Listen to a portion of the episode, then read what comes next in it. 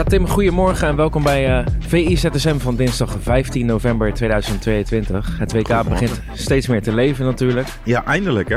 Heb je er zin in? Ja, dit is wel echt uh, de week die we van tevoren hadden gemarkeerd als de enige week waarin je echt nog een beetje aanloop had. En kijk, eh, bij VI zijn we natuurlijk stiekem al veel langer met het WK bezig. Maar je merkt dat het nu ook voor de buitenwacht gaat het echt leven. En uh, normaal vind ik die aanloop wel lekker, wat langer. Uh, nu is die heel kort, maar je merkt wel dat het nu gaat leven. Oranje gaat vandaag uh, richting Qatar. Dus het, het, komt er echt heel snel aan. En bij jou persoonlijk, merk je dat ook?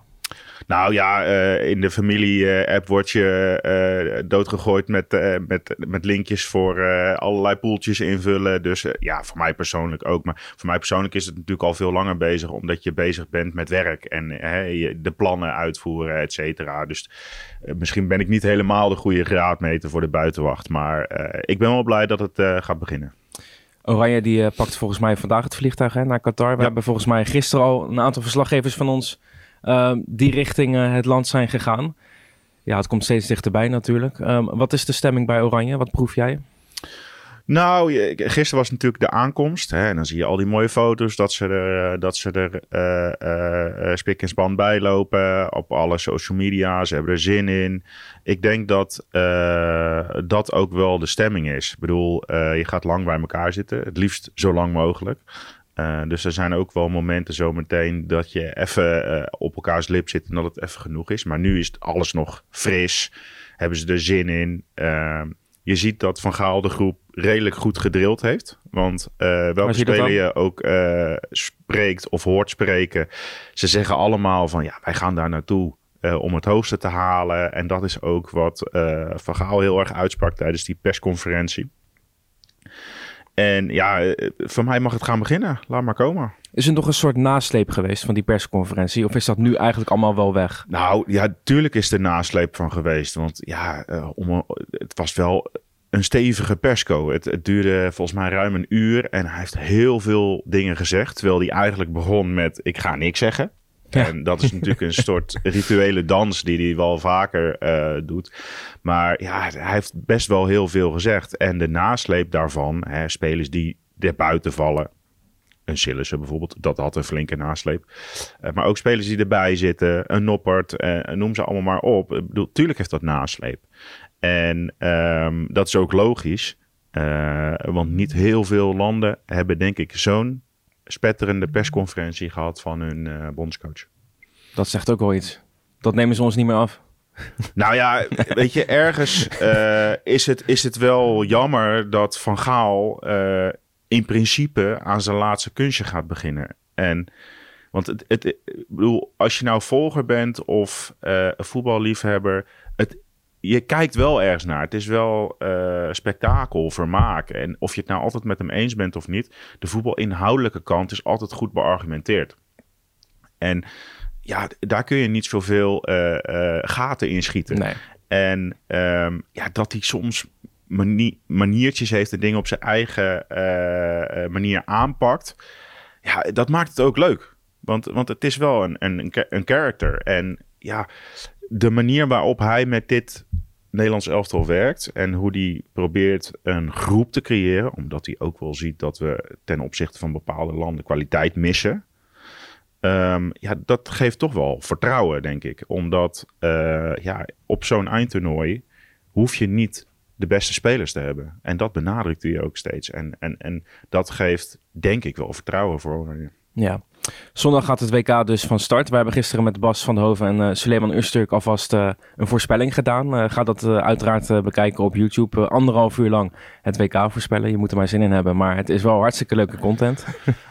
Zo gedaan, toch? Ja, zeker weten. Ehm, gaan wij toen naar het meest gelezen op vi.nl. En over nasleep gesproken. Het interview van Cristiano Ronaldo met Piers Morgan. Ja.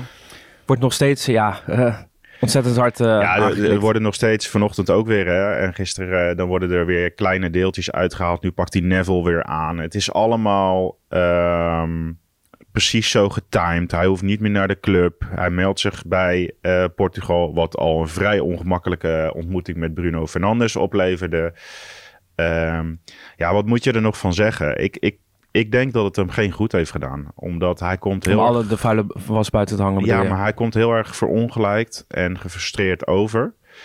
En ik vind dat het eh, afbreuk doet aan de, de, de grootsheid van, van Ronaldo. Want of je nou fan bent van hem of niet, wat de man heeft neergezet is natuurlijk geweldig. En als je dit doet met 30 goals op zak en je zorgt ervoor dat ze bovenaan staan, heb je iets meer recht van spreken. Met twee goals tegen Sheriff Tiraspol en één tegen Everton wordt het iets ingewikkelder. Ja, maar hij heeft zijn hele carrière in zijn hoofd. Dus hij denkt dat hij sowieso recht van Precies, precies, heeft. precies. En, en daar laat hij dit allemaal eh, in terugkomen. En ja, het, het lijkt me dat, dat er geen weg meer terug is. Maar goed, je moet die impact niet onderschatten. Zo'n Garnacho, zo'n jongen die daar nu doorbreekt, die vraagt in een wedstrijd aan Ronaldo of die zijn Celebration mag doen. ja, eh, dus dat heeft impact eh, op zo'n kleedkamer. En ik moet heel eerlijk zeggen dat ik wel eh, gecharmeerd was van het statement van Manchester United. Heel kort, we hebben kennis ge- genomen van wat hij allemaal heeft geroepen. Niet meegaan in het moddervechten. Aangeven dat je inzet op, op, op, op, op het team, op de tweede seizoenshelft. Dat je dat met staf, clubleiding en spelers doet. En nu intern beraden over de, de straf. En ik denk dat Ronaldo ergens ook wel eh, rekening heeft gehouden met het feit dat hij niet meer terug kan nu. Want ja, ik, ik zie geen manier hoe dit nog kan. En ik zie geen manier hoe Ten Hag hem zo meteen weer in een kleedkamer moet zetten. Misschien opstellen. Volgens mij kan dat niet. Ik denk dat, dat deze partijen eh, elkaar een hand moeten gaan geven. En daar zit natuurlijk weer allerlei geld aan verbonden, et cetera. Maar Eigenlijk zouden ze dat allemaal opzij moeten zetten. ja, Jongens, dat denk ik wel. We zijn volwassen mensen. Eh, we hebben respect voor elkaar, want in het verleden, ja, we Ja. houden van elkaar. Als hij, als hij een boete krijgt van twee eh weeksalarissen, gaat het volgens mij om een miljoen. Dus ik denk niet dat hij daar nog heel erg om verlegen zit. Ehm, en ik denk dat hij ook nog wel genoeg clubliefde heeft. Althans, dat stelt hij. Om eh, te zeggen van... Hij zal dat waarschijnlijk niet zo zelf zien. Hè, van clubliefde, dus ik moet weg. Maar volgens mij is het de enige oplossing. En is dat ook wat Rio Ferdinand zegt. Eh, Dit, dit komt niet meer goed. En ik ben eigenlijk wel heel erg benieuwd naar wat bijvoorbeeld een Sir Alex hier nu van vindt. Die heeft hem overgehaald om niet naar City, maar naar United te gaan. Die heeft hem binnengehaald. En als je zo de vuile was buiten hangt, Niet chic. hij toch ook niet blij mee zijn, Nee. lijkt mij. Nee. Ehm, Het is jammer dat het zo moet gaan. nou ja, ik, ik vind wel dat eh, hij, hij verwijt Ten Hag een gebrek aan respect. Maar ik vind dat Ten Hag ten eerste ballen heeft getoond om hem ernaast te zetten. En ik vind vervolgens dat hij best wel respect heeft getoond. Alleen als respect is, jij speelt altijd ongeacht of dat het beste nou voor het team is of niet. Eh, en of je nou goed speelt of niet. Ja, dat is niet respect. Dat is wat anders, denk ik. Maar Ten Hag heeft hem behandeld als ieder andere speler. Terwijl Ja. hij verwacht dat hij een voorkeursbehandeling krijgt. Ja. Is En- dat ook wel ergens begrijpelijk? Vanuit zijn loopbaan kun je dat begrijpen. Alleen dan moet je de ballen in gaan schieten. Ja, dat is waar. Dat is het verschil. Ja, en, en ja, we kennen allemaal de verhalen van vroeger. Ronaldinho bij Barcelona. Ja, liep ook de kantjes vanaf. Maar op zaterdagmiddag liet hij het wel zien. Als, het gaat makkelijker als je in de spits staat en je maakt iedere wedstrijd dat je speelt en dat je opgesteld wordt door Ten Hag een goal.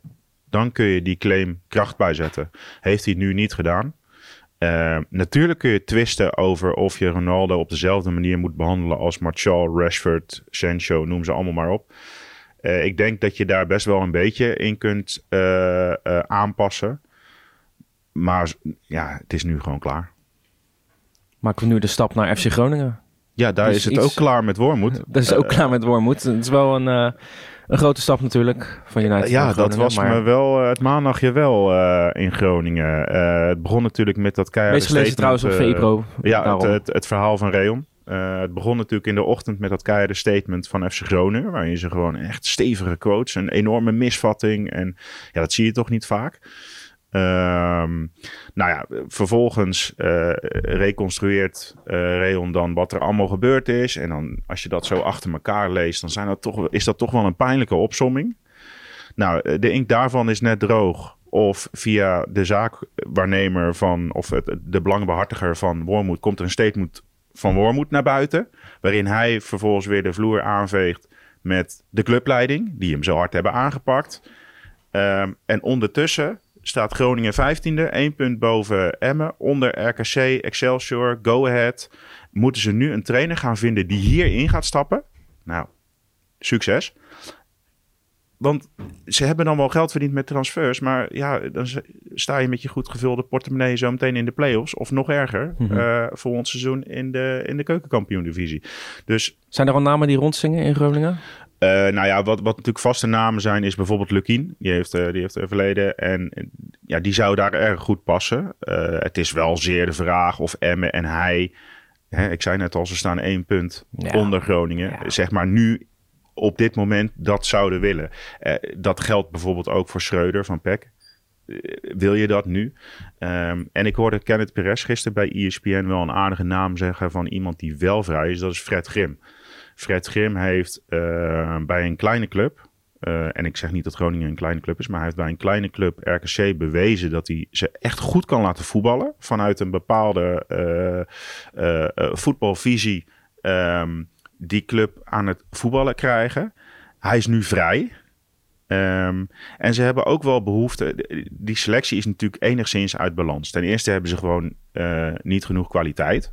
Uh, maar het is heel jong. Het is mm -hmm. weinig ervaring. Uh, er, zit, er zitten, um, en dat bleek gisteren ook weer, amper spelers in die blijkbaar um, zich geroepen voelen anderen te corrigeren. Of ze willen dat misschien wel, maar het lukt ze niet. Um, en misschien dat hij daar ook iets in kan betekenen. Ik denk dat dat helemaal geen gekke naam is uh, voor FC Groningen. Ik zit verder niet zo goed in het Groningse dat ik, mm -hmm. dat ik weet of hij daadwerkelijk in beeld is hoor. Maar ik denk dat... Het is uh, niet onlogisch in ieder geval. Nou, ik, ik vind vooral ook dat... Uh, ga er nu maar eens een club voor opzeggen en dan daar instappen. Dat is nogal een risico dat je als trainer neemt. Terwijl er niet heel veel op vooruit gaat. Nee, en als het niet goed gaat, dan ben jij zo meteen degene die afzakt in de play-offs of naar de keukenkampioen-divisie. En heb je daar bijvoorbeeld bij PEC een hoge positie voor opgezet? Of bij Emmen iets waar je uh, fijn uh, gewerkt hebt altijd. Dus dat is nogal wat. En ja, uh, ik denk dat met Grim iemand die vrij is, dat dat makkelijker is. Moet nog maar blijken of die dan helemaal in het profiel van Groningen past. Maar goed, ik vind het inderdaad geen onlogische naam. Anders kom je uit op figuren als Petrovic en dat soort ja, korte termijn uh, um, oplossingen uh, kom je dan inderdaad uit. Want daar zouden ze ook voor kunnen kiezen. Iemand die dit seizoen doet en dan volgend seizoen met een van die andere opties die je wel uh, voor de lange termijn ziet, verder te gaan. Maar nogmaals, daar gaat Reon ons ongetwijfeld over bijpraten de komende periode. Maar dat het een zwarte dag was in Groningen, dat, dat, dat was wel heel erg duidelijk. We gaan het in de gaten houden, Tim. Dankjewel en tot ZSM. Joep.